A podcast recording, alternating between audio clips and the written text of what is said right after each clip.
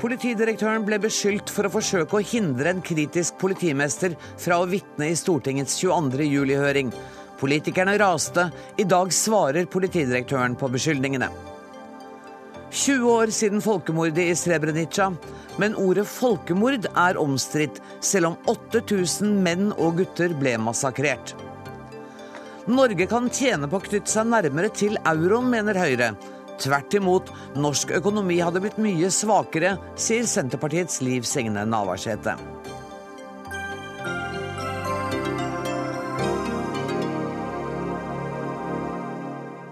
Dette er noen av sakene i Dagsnytt 18 denne fredagen, der vi også skal høre at det amerikanske sørstatsflagget nå skal fjernes. Men først.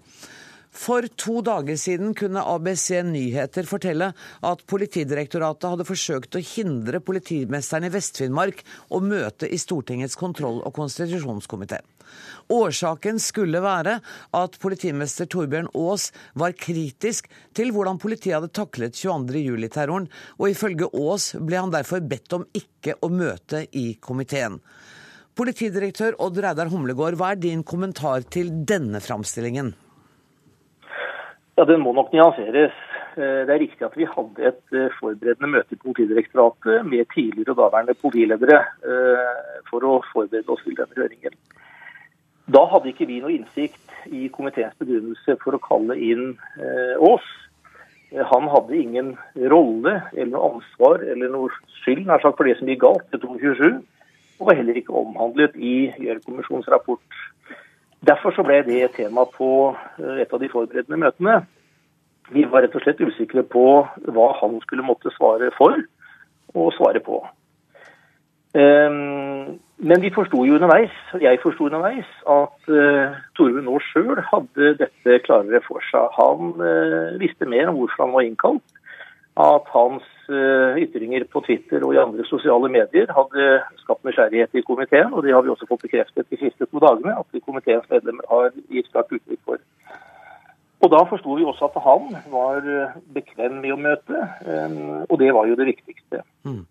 At han oppfatta den situasjonen og den diskusjonen slik han gjorde, og at vi, uh, og da kanskje jeg, utfordret han på sin rolle, det kan jeg forstå. Det er beklagelig, men det er ikke det som var hensikten da vi diskuterte dette som en del av forberedelsene. Jeg har snakket med han om dette etterpå, og jeg trodde vi var for så vidt ferdig snakka om, om det. Men for meg så er det viktig å si at dette er noe helt annet enn å be ham om å tie, slik enkelte medier har formulert det, men som jeg også registrerer er noe annet enn det Aas selv skriver. Men Det kommer vi litt tilbake til. fordi at uh, Disse opplysningene som, fra Torbjørn kommer altså i en bok om politiledelse, hvor han har skrevet et uh, kapittel. Boka kommer ut i august, og ABC Nyheter brakte utdrag fra den tidligere i uka. I boka skriver han da jeg varslet POD om at jeg var innkalt til høringen, ble jeg fra lederhold kraftig utfordret om på om jeg virkelig hadde tenkt å takke ja til å forklare meg overfor komiteen. Og så fortsetter han lenger ned i avsnittet. Dersom jeg skulle velge å stille opp, ble jeg gjentatte ganger oppfordret til å besvare alle spørsmål fra komiteen med at jeg ikke hadde noen kommentar. Reaksjonene på disse opplysningene lot ikke vente på seg, og vi skal høre hva kontroll- og konstitusjonskomiteens leder Martin Kolberg sa her i Dagsnytt 18 sist onsdag. Det vi hadde merket oss i en samlet komité den gangen, var at Aas hadde en alternativ stemme. Og denne alternative stemmen den eh, ville vi gjerne høre direkte i Stortinget, fordi han hadde et litt annet syn på det som hadde skjedd. Bl.a. når det gjelder uh, ydmykhet, når det gjelder innrømmelse av feil. Og uh, Derfor ble han invitert. Og når vi nå får høre at han har fått en slik behandling som du refererer her nå i starten av diskusjonen, så er det uakseptabelt. Og jeg mener at dette er noe som politiet selv bør rydde opp i, og jeg nøler ikke med å kalle for det en ukultur. Mm. Og uh, justisministeren bør gripe tak i saken. Og uh, jeg er så tydelig i språket her og bruker såpass sterke ord, fordi dette handler om politiet. Som har, er bemyndiget av det norske samfunn til å håndtere uh, maktutøvelse. Og da er det helt klart at da må de være åpne i sitt vesen og i sin kultur, slik at vi kan diskutere feil og rette dem og ikke forsøke å samordne seg på en slik måte at det eventuelt dekker over egne svakheter. Politidirektør Humlegård, var du overrasket over den kraftige reaksjonen fra Martin Kolberg? Jeg syns jo det har blitt diskutert og blitt brukt ganske kraftige eh, skal vi si, eh, beskrivelser av oss. Eh, men gitt den overskriften og slik dette er fremstilt i media, så forstår jeg det. Men det er jo ikke heller akkurat dette Torbjørn Aas eh, skriver. Det jeg, unnskyld meg, men det jeg, siter, det jeg siterte, var ja. altså fra det kapitlet i boka om ledelse i politiet som han har skrevet. Nettopp. Og det skal jeg komme til nå når det gjelder dette med ingen kommentar.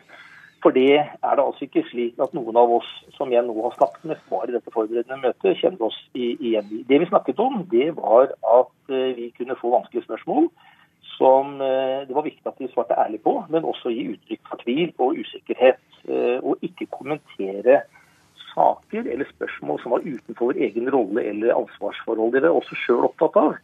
Eh, men det er noe helt annet enn å svare ingen kommentar på alle spørsmål. Det har jo på et vis formodningen mot seg at vi som møtte dette forberedende møtet, skulle foreslå noe slikt. Så det må enten Torbjørn Aas ha misforstått. Det er i hvert fall ingen av de tilstedeværende jeg har snakket med som kjenner igjen det. Man kan jo ikke sitte i en høring i en time og halvannen og svare ingen kommentar. Det var det da heller ingen som eh, gjorde, og heller ikke Torbjørn Aas.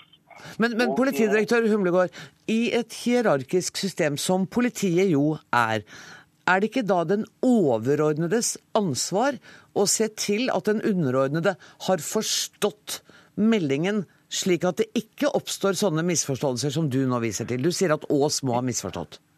Ja, men til det siste, hvor han skriver at uh, vi har sagt, noen har sagt at han skal svare ingen kommentar på alle spørsmål, det er ikke riktig. Det er det altså ingen som kjenner seg igjen i av de jeg har snakket med. Uh, så det er, uh, det er feil. Når Martin Koll... Mm. Til det første så er det riktig at det kan ha forstått, blitt forstått på den måten han, og det må vi ta et ansvar og Jeg må ta et ansvar for det, og det har jeg altså snakket med han om. Det er beklagelig, sånn skal det ikke eh, være. Og han satt med en annen informasjon og forståelse av dette enn det i hvert fall jeg og flere med meg gjorde i dette forberedende møtet. Men det ble avklart underveis. Og han møtte og gjorde også en god figur i, i denne høringen. Eh, Martin Kolberg snakker om manglende ydmykhet fra politidirektørens side. Hva syns du om det? Jeg uh, syns det er uh, greit at han sier det og, og kritiserer oss og meg uh, for manglende ydmykhet, gitt at det skal være riktig at vi har oppført oss på denne måten. Men det er altså nyanser her som er ganske viktige. Vi har ikke, jeg har ikke hatt noen rolle eller interesse i at han skulle tie. Jeg sagt, Hva skulle han tie om? Han er ikke kritisert for noen ting i, i etter 227.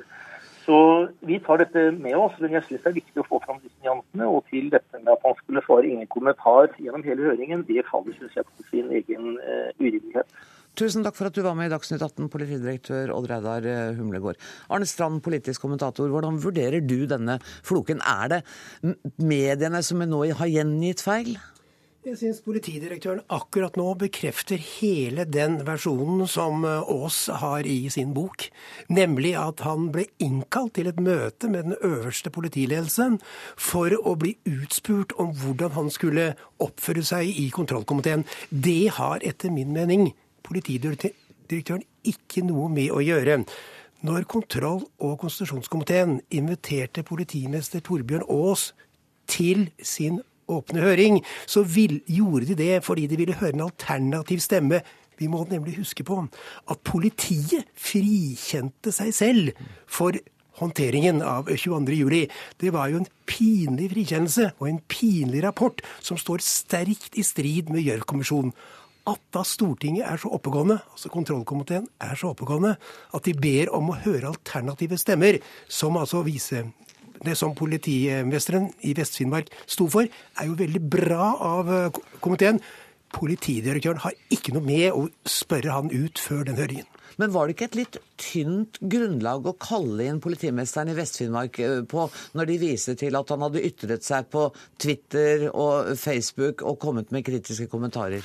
Ja, men når han ytrer seg på Facebook og Twitter, så er det jo ytringer som han står for. Og jeg går ut fra at Kolberg, eller andre i komiteen som tok kontakt, spurte han står du ved dette. Og jeg antar at politimesteren da har sagt ja, dette står jeg ved, og dette mener jeg veldig sterkt. Og på bakgrunn av det skjønnmaleriet som politiet selv hadde gjort av sin egen opptreden, så var det veldig bra at han kom og gjorde en figur, god figur i kontrollkomiteens høring.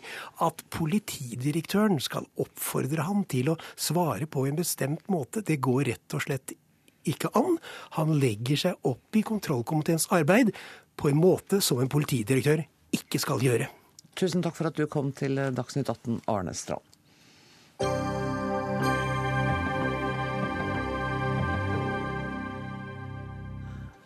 En mann kan forlate en krig, men en krig kan aldri forlate en mann. Det sier Enver Djuliman, en norsk bosnier som i dag arbeider for Helsingforskomiteen. Da nyheten om massakren i Srebrenica kom for 20 år siden, hadde han nylig kommet til Norge. 8000 bosniske gutter og menn ble ført bort fra familiene sine og ble i løpet av få dager drept av serbiske soldater. I morgen er det 20 år siden det som regnes som den verste krigsforbrytelsen i Europa etter annen verdenskrig. Velkommen hit, NB Julemann. Du er seniorrådgiver for undervisning i menneskerettigheter og fredsundervisning i Helsingforskomiteen. Du kom altså til Norge i 1993 med din familie. Og du satt i Norge og hørte om den massakren. Hva, hva tenkte du, husker du det?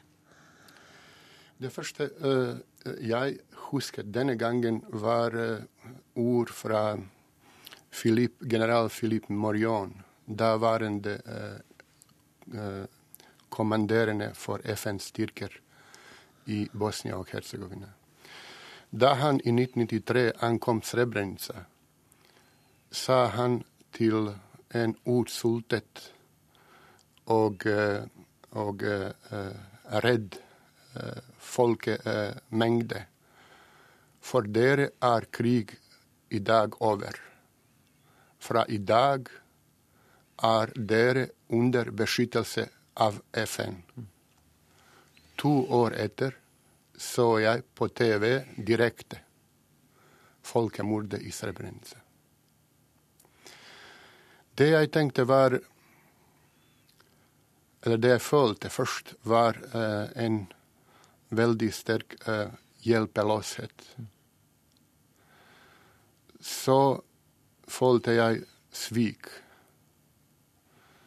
for alle ofre fra FN.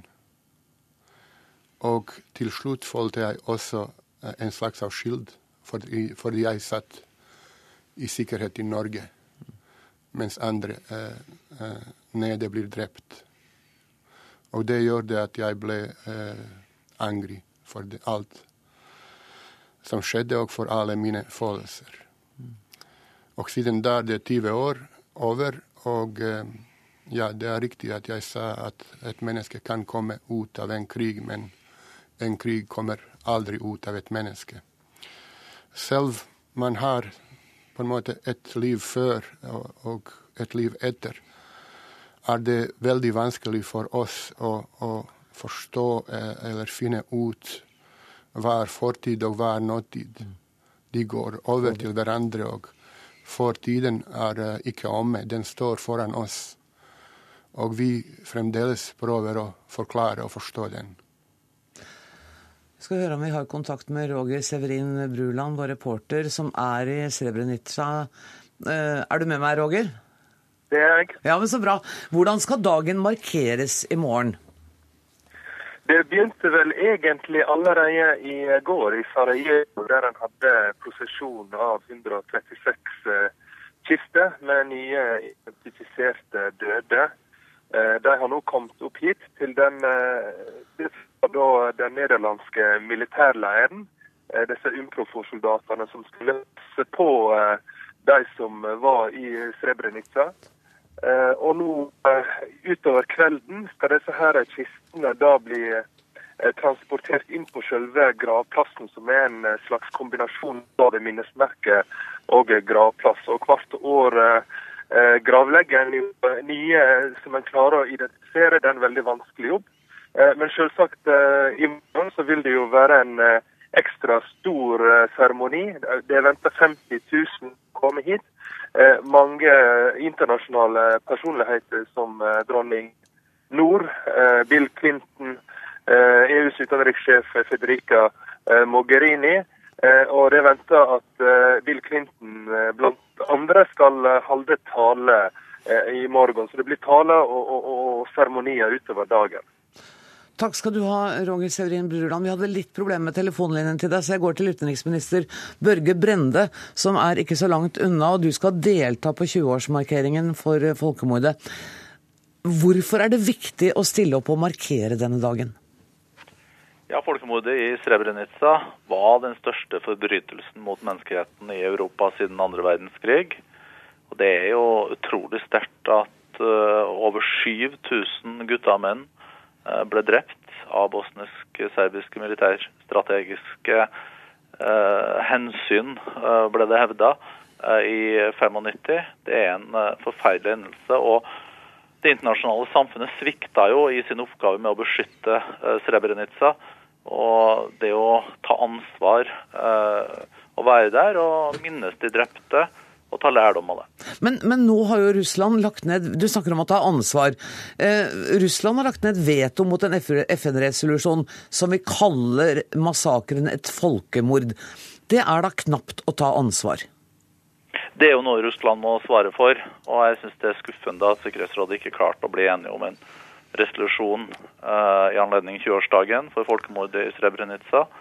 Og den resolusjonen som Russland nedla veto mot, innebar eh, faktisk ikke noe undervurdering av andre folkegruppers lidelser under krigen i Bosnia-Hercegovina, som hevda. Det var et balansert forslag. Og mm, det viser jo, eh, som du òg sier, at det fortsatt er splittelse mellom de ulike etniske gruppene i Bosnia-Hercegovina. Og fornektelsen av folkemordet er fortsatt utbredt.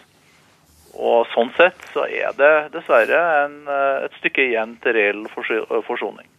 Nå hørte vi Enver Dulima fortelle at i 93 så får de da vite i Srebrenica at de er under beskyttelse av FN. Nå er krigen over for dem. Og så klarte verdenssamfunnet ikke å stanse dette folkemordet to år seinere. Kan du forklare hvor, hvordan det kunne skje? Jeg kan iallfall si det at Eh, det var eh, totalt eh, uakseptabelt. Og verdenssamfunnet svikta i oppgaven med å beskytte Srebrenica. Og det er noe vi må lære av. Vi har også hatt Rwanda. Og det å forhindre folkemord og den type overgrep er verdenssamfunnets ansvar. Men med alle de humanitære katastrofene vi nå ser rundt oss, det vi opplever i Syria, Eh, det vi eh, opplever i eh, Sør-Sudan, så er det jo med stor både ettertanke og stort ansvar vi ser denne utviklinga. Men mm. samtidig må jeg erkjenne at vi ikke har gode nok verktøy for å gripe inn i den type situasjoner. Tusen takk for at du var med i Dagsnytt 18, utenriksminister Børge Brende. I dagene etter massakren i 1995 kom det syke og sårede flyktninger fra Srebrenica til det norske feltsykehuset i Tusla. I den første kolonnen med flyktninger var det bl.a. en fem dager gammel baby som de norske FN-soldatene tok seg av. Jeg fikk den æren å ta vare på og vært inne og bada og vaska og skifta bleier. og Det lukta noe helt forferdelig når vi fikk pakka ut. Vi fikk vaska, hun gråt litt, og, og nå koser hun seg skikkelig. Nå har hun fått tørre klær og tørr bleie, og nå går det bra. Hun ligger her eh, på armen din, du rusler rundt eh, med henne her. Hun eh, ser opp på deg med brune, nydelige øyne. Det må være sterkt for deg å være med på dette? Ja, helt klart. Det er veldig sterkt. Det er klart å se unger i en sånn situasjon kanskje enda sterkere for folk som har hatt unger sjøl.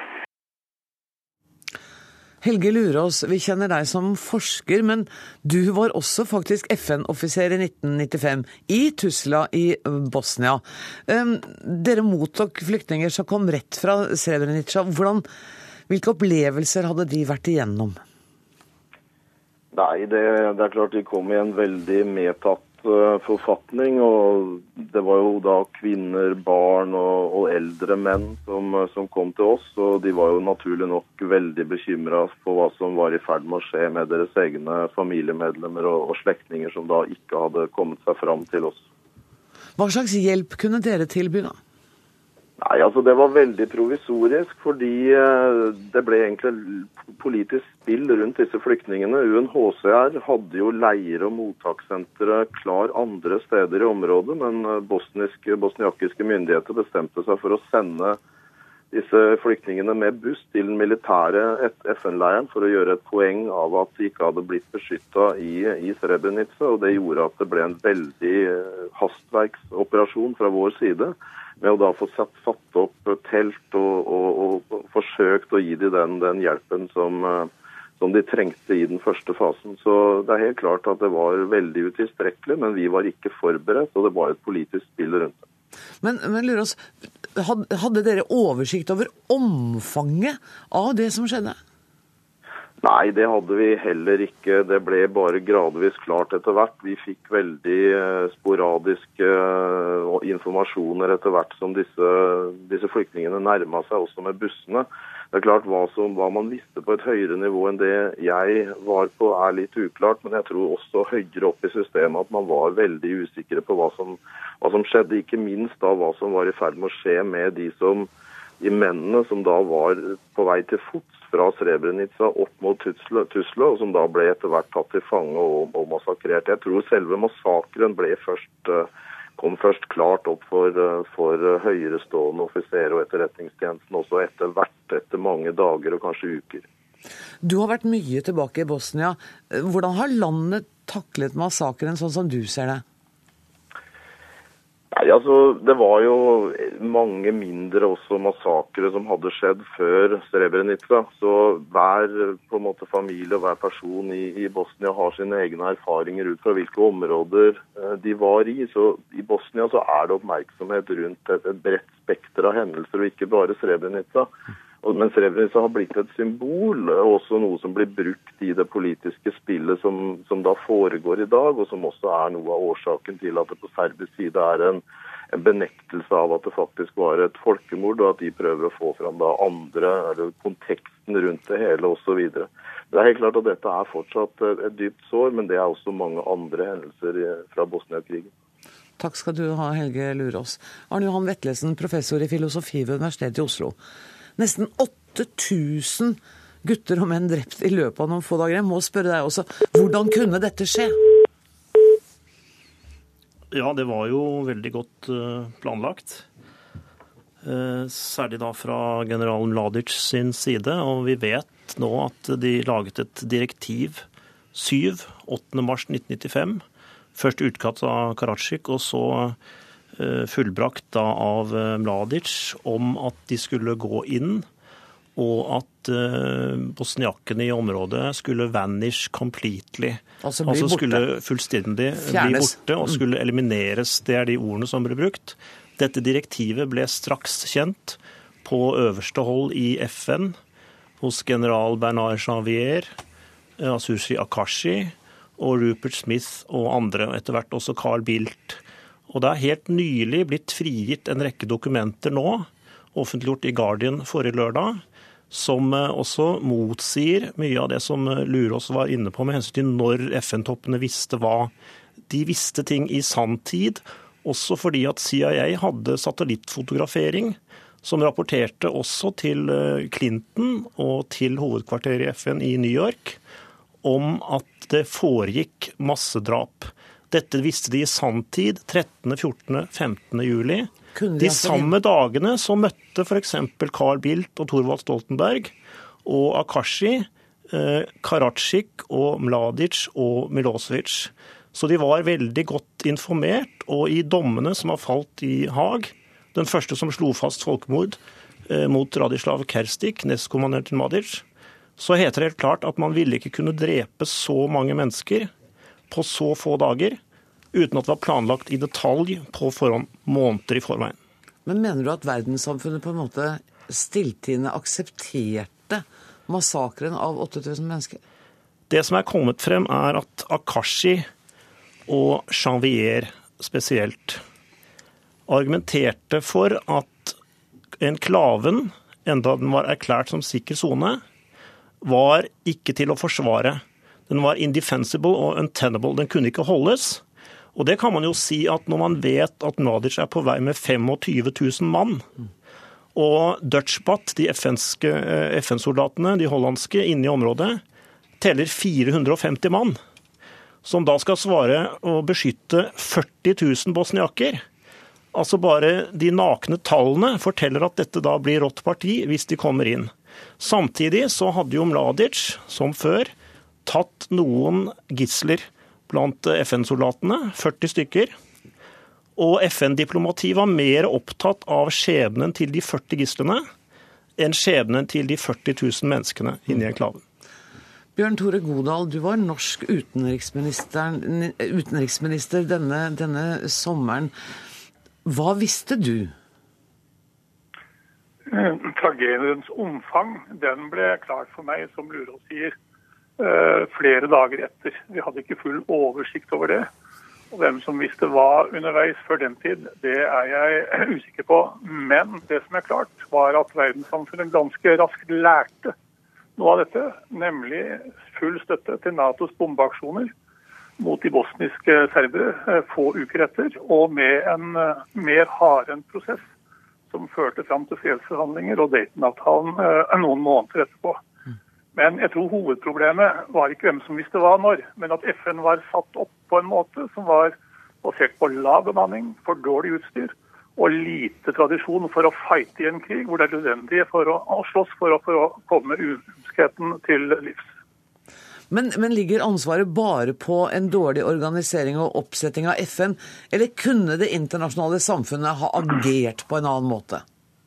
FN er summen av medlemslandenes holdninger, og FN er ikke minst Sikkerhetsrådet, der Russland kan nedlegge veto. Heldigvis gjorde ikke Russland det da Nato satte i gang sine bomber eh, for å støtte opp om FN-styrkene i området. Men eh, det er klart det er en motsetning mellom det å drive sikkerhetspolitikk i en kollektiv organisasjon med veto for enkeltaktører, framfor å lede en kampanje i Nato-regi, slik man da gjorde i praksis i Bosnia i månedene etterpå. Og det ga resultater. Du, vi har uh, vært i kontakt i dag med flere unge norskbosniere. Og det de sier alle sammen, er at de savner erkjennelser også fra det internasjonale samfunnet over det som har skjedd. Hva tenker du om det? Ja, Det eh, skal vi ta veldig alvorlig. Men jeg leste forholdsvis nylig en satt saftig uttalelse fra FNs generalsekretær, daværende Kofi Annan, ved tiårsjubileet for uh, ti år siden, hvor han sa at tragedien i Srebrenica er den verste tragedien i Europa etter en annen verdenskrig. Så jeg tror nok at uh, inntrykkene har satt seg etter hvert. Og det at man nå samles på den måten som det skjer i dag, det er selvfølgelig en veldig fin ting, men det er en veldig tragisk bakgrunn. Takk skal du ha, Bjørn Tore Godal. Enver Julemann, eh, hvordan, hvordan, ser du frem Vi er nødt til å avrunde nå, for det, tida løper litt fort fra oss. Hvordan ser du framtida for Bosnia? For dette skal jeg bare kommentere det, som ble sagt her. Og det er holdninger fra de unge bosniere her i Norge. Mm. Den er der uten, ikke uten årsak. Vi er vitner uh, i de siste årene spesielt at det er styrker også på det internasjonale nivå som uh, arbeider aktivt for å skape en slags av allme, uh, alternativ forståelse av det som har skjedd i Srebrenica. I Norge uh, ble det uh, uh, Eller i hvert fall bosniere fra Norge oppfatter tildeling av, av Ibsen-prisen til Peter Hanke som en av slike forsøk. Mm. Det finnes også andre eksempler, eksempler, som vi ikke har tid til, til nå. Dessverre ikke. Men kan du bare si litt, veldig kort til slutt, hvordan er du optimist på vegne av Bosnia? Eh, jeg er optimist uh, i at Bosnia eh, skal overleve som en stat. Men hvis ikke betydelige forandringer av Dayton-avtalen ikke skjer, mm. så det vi ser i dag, den Bosnia vi ser i dag, skal vi se også om 20 år til. Mm. Tusen takk for at dere kom til Dagsnytt 18, Enver Juliman og Arne Johan Vetlesen.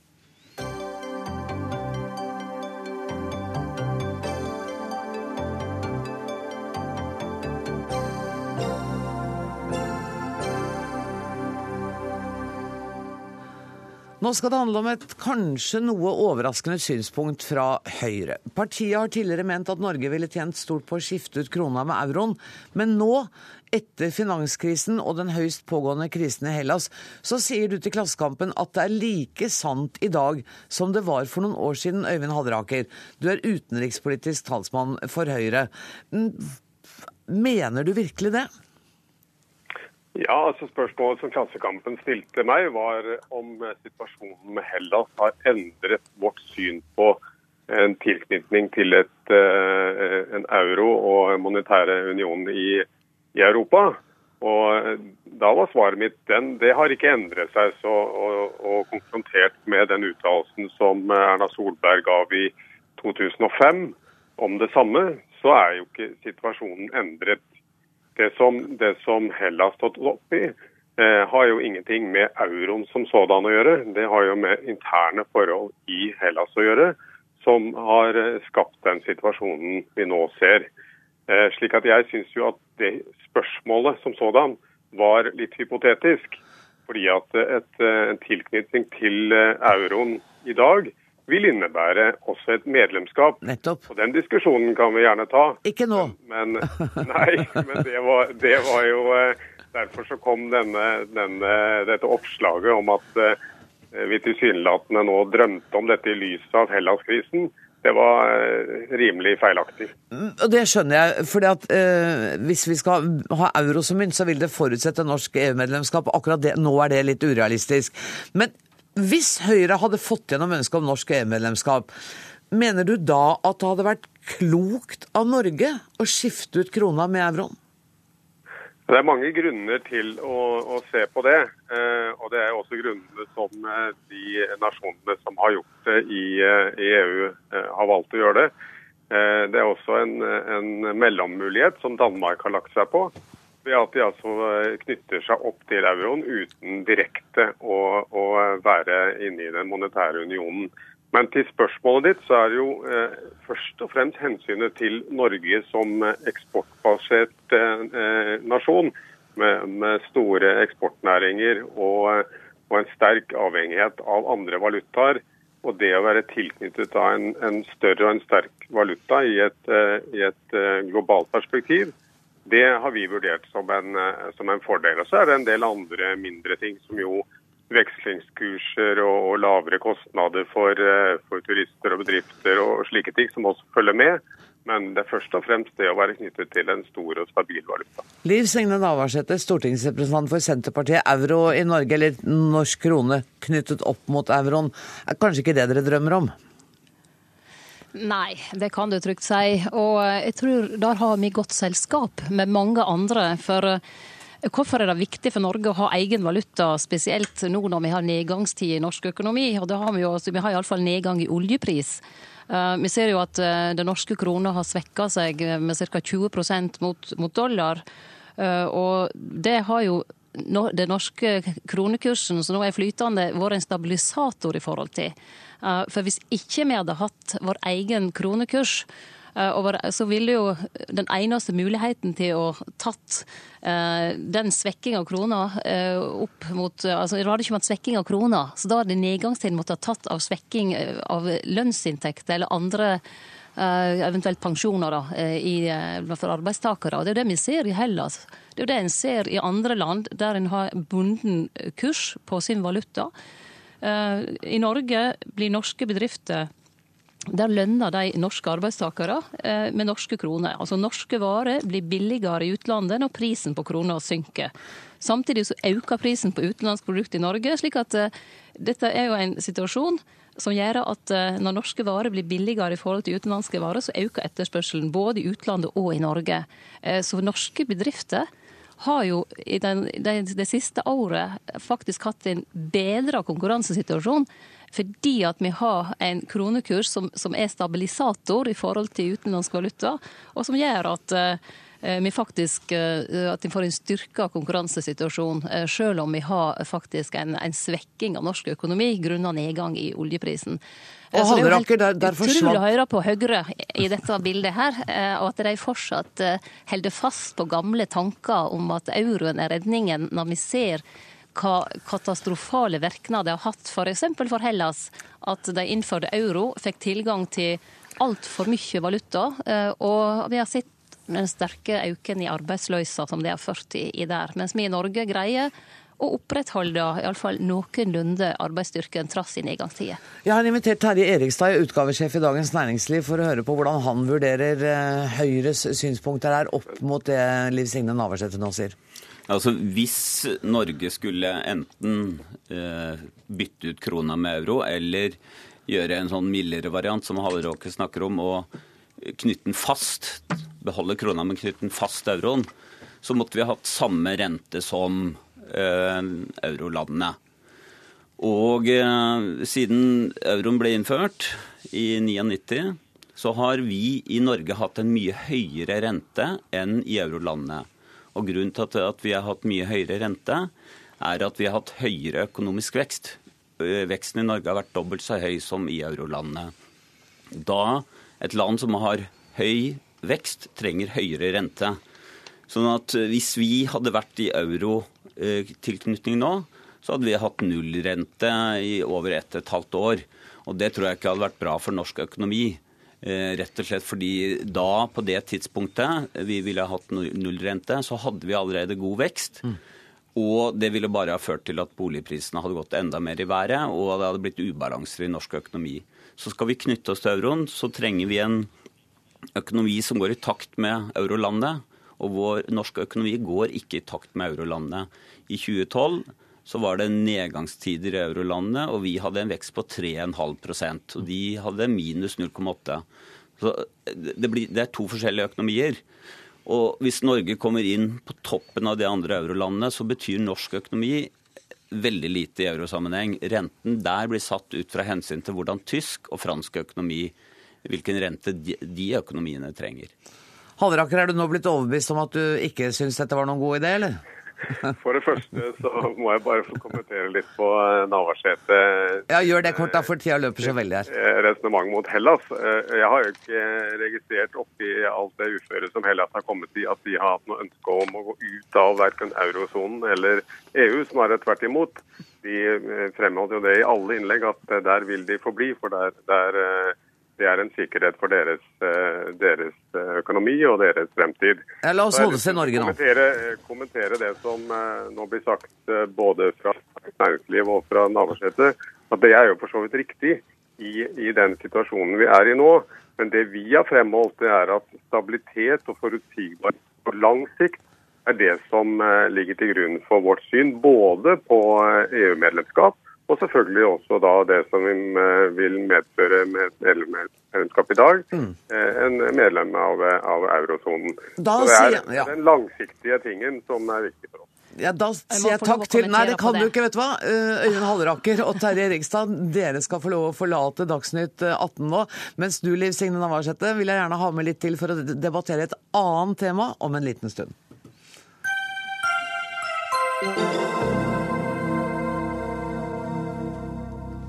Norges kriger i utlandet har gjort verden farligere, og også Norge har blitt mer utrygt. Samtidig har vi en ustabil nabo i øst, og derfor tar Senterpartiet til orde for en kraftig økning i forsvarsbudsjettet. Partiet mener også at vi må ha flere soldater, kan vi lese i Klassekampen. Og Liv Signe Navarsete, jeg vet at du har lyst til nå å fortsette å kommentere på det vi snakket om i stad. Det får du ikke lov til nå. Nå skal det dreie seg om forsvar. Hva, hva er det som ikke er bra nok med Forsvaret i dag? Da vi eh, laga den forrige langtidsplanen for Forsvaret, altså den som eh, dagens eh, situasjon er bygd på, og, den som ligger forut for den, så så verden helt annerledes ut rundt oss enn hun gjør i dag. Eh, vi har fått eh, en helt annen sikkerhetspolitisk eh, situasjon. Både i nord og sør, vil jeg si. Både i forhold til framveksten av IS, eller ISIL. Den destabiliseringen som har vært i mange land. Og vi har fått selvfølgelig det som har skjedd i Ukraina, med, russiske anneksjon av Krim og uro eh, der, og mer ustabilitet òg eh, i, i det forholdet. Det betyr at vi må se litt mer og nærere på en hvordan vi forsvarer det, det norske territoriet. Vi har et uh, stor kystlinje, vi har store havområder. Vi har et norsk territorium som vi skal forsvare, og vi har et godt forsvar. Men det har vært bygd ut fra de føresetnadene som var når de planene var lagde, nemlig fred og fordragelighet rundt oss i mye større grad enn vi ser i dag. Da må vi styrke økonomien, men vi må òg se på hvordan Forsvaret fungerer. Er det god nok logistikk? IKT og, og sambandssystemet gode nok? Jobber de forsvarsgreinene godt nok sammen i en krisesituasjon? Kan en reagere raskt nok? Kan en stå lenge nok? Har vi nok soldater? Jeg tror svaret på de spørsmålene vil generere behov for mer ressurser inn, men òg selvsagt en jobb med det organisatoriske. Og Du har sagt at du mener at vi skal nå opp til 2% av bruttonasjonalprodukt, som altså er Natos mål for uh, innsatsen i Forsvaret. Det innebærer faktisk Som, Norge, som Norge har forplikta seg til, ja. sammen med andre Nato-land. Altså, det er ikke Nato som har sett målet, Norge sjøl som har vært med å forplikte seg til at vi skal gå og nå det målet. Ja. Og det er 17 milliarder mer enn det. For i dag ligger vi på 1,43% etter de opplysningene jeg har fått. Uh, hvis vi skal nå 2% så vil det si 17 milliarder kroner ekstra og det er ifølge Klassekampens beregninger. Ja, og det er mye penger. Og det gjør ikke vi på ett år. Eh, men jeg er rimelig sikker på at eh, forsvarspolitikken må mye høyere på den politiske dagsordenen. Eh, og at det norske folk, som er et folk som har vært opptatt og er opptatt av at vi skal ha en forsvarsevne Det er stor forsvarsvilje i det norske folk. Og, det, jeg tror òg det er vilje til at en skal bruke mer ressurser for å, å, trygge landet vårt. Og Det kan bety at flere må til førstegangstjeneste, og at vi òg må bygge et forsvar med flere folk enn det vi har per i dag. Ikke overraskende så er Kirsti Bergstø uenig med deg, hun er stortingsrepresentant for SV.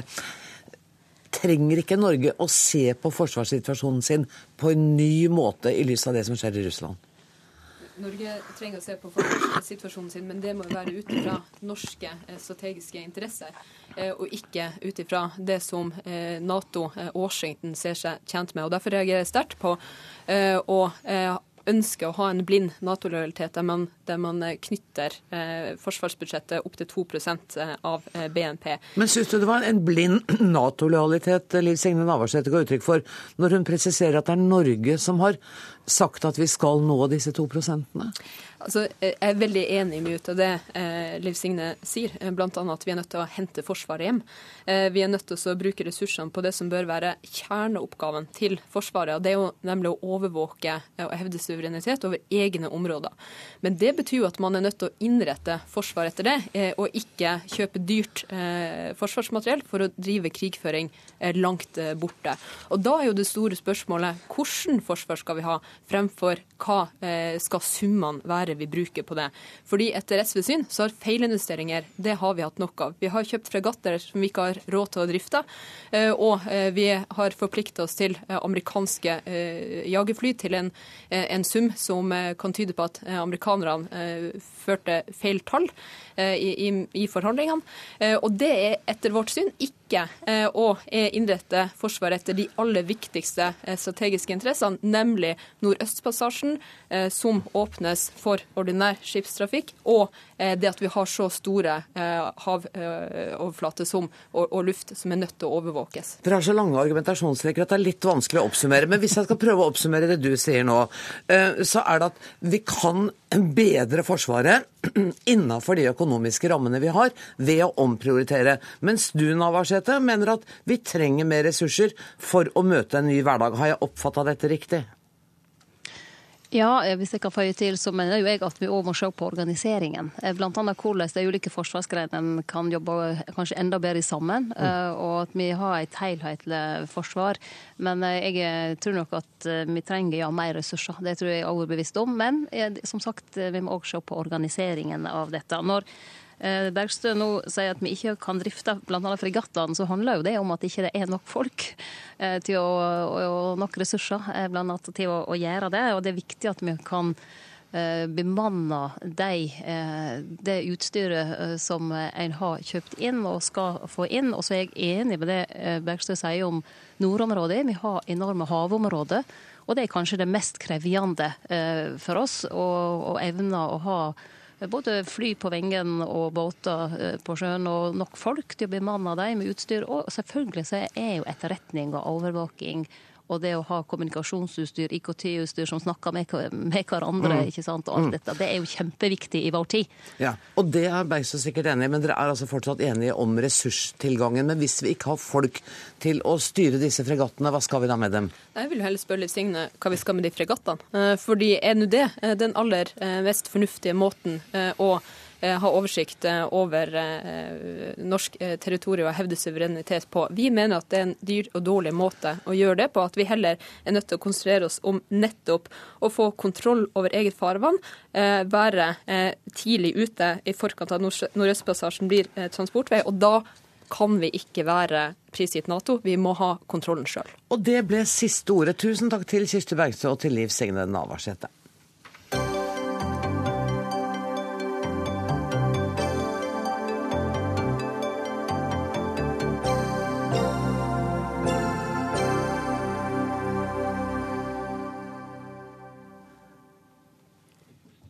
Confederate flag is coming off the grounds of the South Carolina State House. Ja, Jubelen sto rett og slett i taket da guvernør Nikki Haley i går erklærte at sørstatsflagget, som vaier ved delstatsforsamlingen i Sør-Carolina i USA, nå skal fjernes.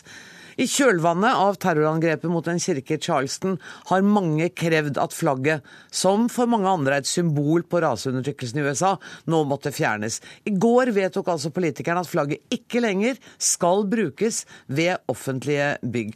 Og Helene Megård, du er nordamerikaviter fra Universitetet i Oslo og skribent i amerikansk politikk.no. Hvis vi skal bare kort se historisk på det, og da mener jeg ikke alle detaljene, men hva har dette flagget betydd for sørstatene? Altså For den hvite befolkningen så har det jo vært da eh, et eh, symbol som da symboliserer eh, en stolthet over regionen. Men for å bare være helt kort, vi ser jo da at det blir brukt. Det tas i bruk fra 40-tallet, og da parallelt i styrke med, med borgerrettighetsbevegelsen. Så det, er, det har alltid vært et rasistisk symbol, selv om kanskje ikke alle altså For alle sørstatsinnbyggere så er det nok ikke et rasistisk symbol, men det har like fullt alltid vært eh, et, et, rasistisk symbol mot da den svarte befolkningen, og også mot, eh, mot borgerrettighetsbevegelsen. Men det er bare viktig å påpeke at da eh, de siste, siste årene fra 70-tallet og utover, så har det også blitt et sånt protestsymbol mot alt som er politisk korrekt. Ja. Så for de som da har flagget med det, så er det ikke sikkert at, at man da har, har, brukt det som et rasistisk eh, symbol, men også da som, som motstand, eh, særlig da mot nordstatene og, og ja. Tove Bjørgaas, du er vår USA-korrespondent. Dette blir beskrevet som en historisk dag for Sør-Carolina. Er du enig i det? Ja, eh, dette flagget har jo også hengt der i, i over 60 år og, og, kommer nå ned etter en heftig debatt i delstatsforsamlingen. Selv om den til slutt vedtok med stort flertall å fjerne det, så er dette noe som opprører folk i den delen av landet. Eh, og som mange i nord ikke fatter at de fortsatt driver med der nede. Og det er akkurat som Helene Megaard sier, dette her er en, en, en, sånn, en skillelinje i USA mellom på en måte det mange i sør oppfatter som den intellektuelle og snobbete nord. Mm. Mens mange i sør føler seg underlegne. Og undersøkelser viser at også de som støtter dette flagget, det er i stor grad eldre mennesker med lite utdanning.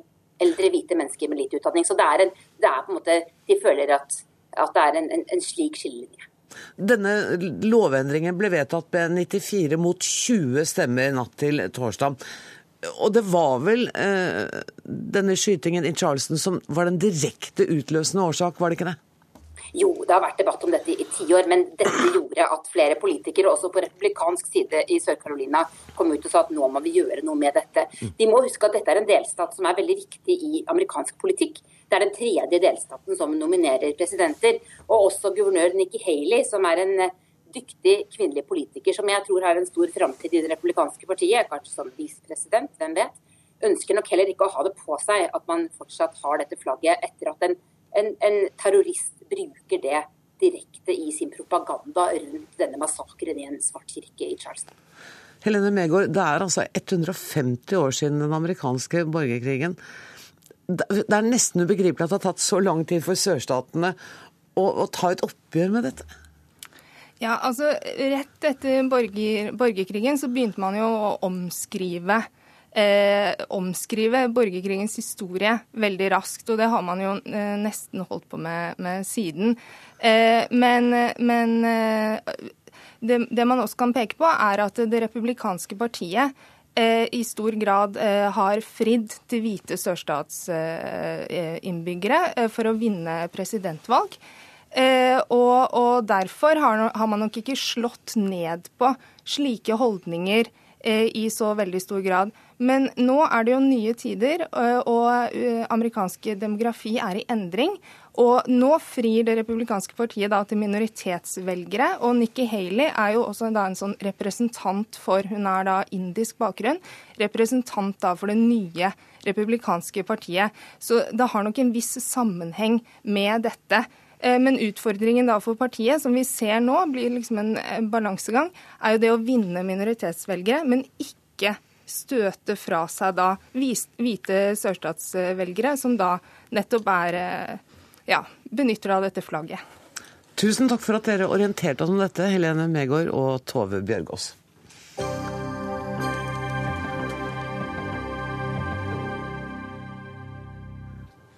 Dagbladet skrev tidligere denne uka at eh, mange fattige barn ikke får reise på ferie, og dermed risikerer å bli mobbet og frosset ut. I 2014 viste tall fra Statistisk sentralbyrå at det var 78 200 fattige barn i Norge, verdens rikeste land.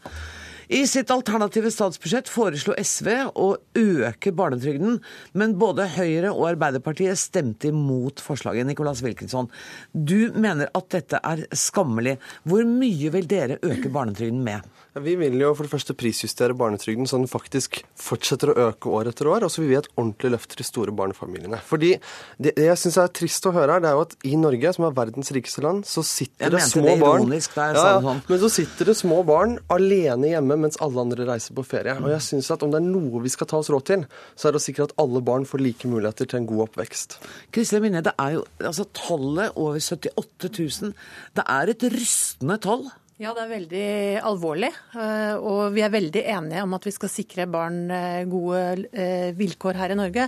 Derfor vil vi også jobbe for å motvirke barnefattigdom. Vi er bare ikke enig i de tiltakene som SV foreslår. For det er veldig komplekst sammenheng mellom det å være fattig. Det er ikke noe enkel løsning på det problemet. Og Men hva vil dere i Høyre gjøre, da? Ja, Vi i Høyre, vi har, eh, eller regjeringen har rett og slett eh, nylig lagt fram en egen strategi som har en rekke konkrete tiltak for å jobbe mot barnefattigdom. Og det dreier seg om mange forskjellige samfunnsområder. Så det er en strategi som omfatter både utdanning, egne tiltak for å hjelpe fattige barnefamilier. Det er et utvalg som skal se på hvordan eh, alle disse forskjellige tiltakene rettet mot barnefamiliene virker, hvordan de treffer osv. Og det er jo sånn også at SV har jo vært veldig offensive før og sagt at ja, de skal bare fjerne fattigdommen med et pennestrøk. Men det er altså ikke så enkelt. Derfor så må vi også gå grundig til verks. Og det er eh, det regjeringen tar inn over seg når de legger fram en sånn strategi med en rekke ulike tiltak på en rekke forskjellige områder. Men når vil den strategien få noen følger? Altså Vil de unga som ikke har, vært på ferie, ikke har hatt råd til å reise på ferie i år, kommer de seg på ferie neste sommer, tror du, med den strategien? Eh, det er ikke så enkelt at man løser dette over natten. Men Hvor regjeringen... vanskelig kan det være å sørge for at unger ikke er fattige? Det er ingen enkel oppgave, men regjeringen har f.eks. satt av 106 millioner kroner i eh, revidert statsbudsjett for å komme i gang. Og så har jeg lyst til å si at det å eh, Forskjellen mellom fattig og rik det er, dreier seg om å være inne i arbeidslivet eller ikke inne i arbeidslivet. Så Det som er viktig, det er jo nettopp å sørge for at foreldrene kommer i arbeid. Sørge for å få folk som ikke jobber, inn i inntektsgivende arbeid. Og så handler det veldig mye om å møte barna med barnehageplasser, redusert betaling for barnehage, gratis kjernetid, SFO, en god utdanning, sørge for sosial mobilitet i skolen og en rekke andre tiltak. Det er det som er bærekraftig på sikt når det gjelder å, å bidra til at folk kan klare seg selv. Wilkinson, dette er vel tiltak du er enig i? Billigere barnehage, flere barnehageplasser, bedre SFO-ordninger? Ja, og derfor syns jeg det er trist at vi, altså, vi har en, et parti nå i regjering som både har kutta barnetillegget for uføre, de fattigste barna. De øker jo barnehageprisene. Nå vil de kutte barnetrygden, og så har de gitt tidenes dårligste trygdeoppgjør til pensjonistene. Så dette er altså et parti som nå bevisst tar fra de som har minst, for å gi til de som har mest. Og løsningen det er altså å sette ned enda et utvalg for å se på strategien. Det vi vet, er at vi hadde et fordelingsutvalg i 2009 som har sett på akkurat hvilke tiltak som kan gi alle barn gode muligheter i livet. Og de sier at det er ett tiltak som er bedre enn noe annet. Og det er å øke barnetrygden. Derfor så foreslår SV akkurat det. Og det som er interessant, er at denne historiske økningen i barnetrygden den koster akkurat det samme som skattekuttet Høyre har gitt til de 300 rikeste i Norge. Hvis dere bare hadde tatt skattekuttet gir til de 300 rikeste, så kunne vi sikret alle barn i Norge mulighetene som i dag blir forbeholdt de som har mest penger. Men har ikke Høyre også et poeng i at eh, årsakene til fattigdom er sammensatte, og at fattigdom også går i arv? Det gjør det, og det viktigste man kan gjøre, det er å få folk i jobb. Og her var vi med, når SV styrte under finanskrisa, så var det jo lavere arbeidsledighet enn denne regjeringen klarer å få når det går bra i verden. Men det vi da må spørre oss om, er hvordan sikrer vi at folk kommer seg i jobb og gjør det godt. Det som de for, har foreslått tidligere, er å kutte barnetrygden med en gang man kommer seg i jobb. At hvis man tjener mye, så skal man behovsprøve den og dermed kutte barnetrygden. Det er jo et angrep på arbeidslinjen. For det gjør at hvis du altså er arbeidsledig, så får du trygd, og når du da skal inn i jobb, så taper du penger. Fordi Høyre i tillegg da vi tar fra deg trygden. Så det vi vet, er at det beste for å sikre at folk både er i jobb, og for å fjerne barnefattigdom, det er å ha en universell barnetrygd som treffer alle. Det er jo ikke riktig som han sier at vi vil ta bort barnetrygden. Vi har sagt ned et utvalg som vil se på alle innretninger som går mot barnefamilier, og vurdere hvordan de treffer godt og ikke godt. Eh, og så er det jo litt komisk å høre på SV som er så utrolig aggressive når det gjelder hva de får til. For det barnefattigdommen økte faktisk under den rød-grønne regjeringen. Og de gjorde jo ikke Jo, den økte med 1 prosentpoeng fra 7,6 til 8,6 prosent gjennom de tre av de årene som SV styrte. Og det, det anklager jeg egentlig ikke SV for, for det er ikke så lett å gjøre noe med det. Men vi må jo prøve. Men det er jo ikke sånn at SV har klart å gjøre dette før. Og det er ikke troverdig når de skal løse barnefattigdom nok en gang ved å bevilge mer penger gjennom barnetrygden. Det å øke barnetrygden det koster enormt mye. Men vi dere har vet, vi vet i dag at uh, ca. halvparten av de som mottar barnetrygd, de sparer den på konto til barna blir 18 år. Hvis du skal øke barnetrygden til alle, så kommer du til å bruke utrolig mye penger. Og du kommer ikke til å treffe veldig godt de som faktisk trenger den aller meste Vi har bare noen sekunder igjen. med hvilken sånn Kunne vi ikke gå inn for eh, det som hun sier da, med behovsprøving av barnetrygden? Hvis folk setter den inn på konto og ikke bruker den, så har du ikke behov for den. Nei, absolutt ikke. Det vi vet i dag, det er at det koster masse byråkrati og behovsprøve ordninger. Vi bruker 600 stillinger bare på å administrere foreldrepermisjon. Så det som er effektivt, og fordelingsutvalget sier at funker, det er å gi en lik kontantstum til alle. Så jeg bare si det Sara i Dagbladet-artikkelen kort sa, og det er at er det riktig at barn i en alder av tolv år skal ligge våken om natta fordi de ikke kan dra på ferie med de andre barna? Vi vet hva som funker. Ekspertene sier hva som funker. Det er økt barnetrygd. Det er skremmende at Høyre og Arbeiderpartiet nekter å støtte forslaget som vi vet virker. Da må Kristin Winne få svare på det til slutt. Jeg skal bare si at jeg tror ikke at SV har the ultimate solution på dette problemet, og det har de faktisk vist at de ikke har tidligere. Og jeg tror vi må gå mye bredere til verks enn det Wilkinson her tar til orde for. Og at det kommer til å ta lengre tid enn den utålmodige Wilkinson er villig til å gi dere. Ja, du kan rett og slett ikke bevilge deg ut av fattigdom. Dermed fikk du siste ord i denne, ikke bare denne saken, men i hele sendinga denne fredagen. Jeg sier takk til Nicolas Wilkinson fra SV og Kristin Vinje fra Høyre. Og så skal jeg bare helt til slutt fortelle at ansvarlig for sendinga i dag var Halvor Haugen. Det tekniske ansvaret hadde Finn Lie påtatt seg. Jeg heter Anne Grosvold, og jeg ønsker dere alle en riktig god helg.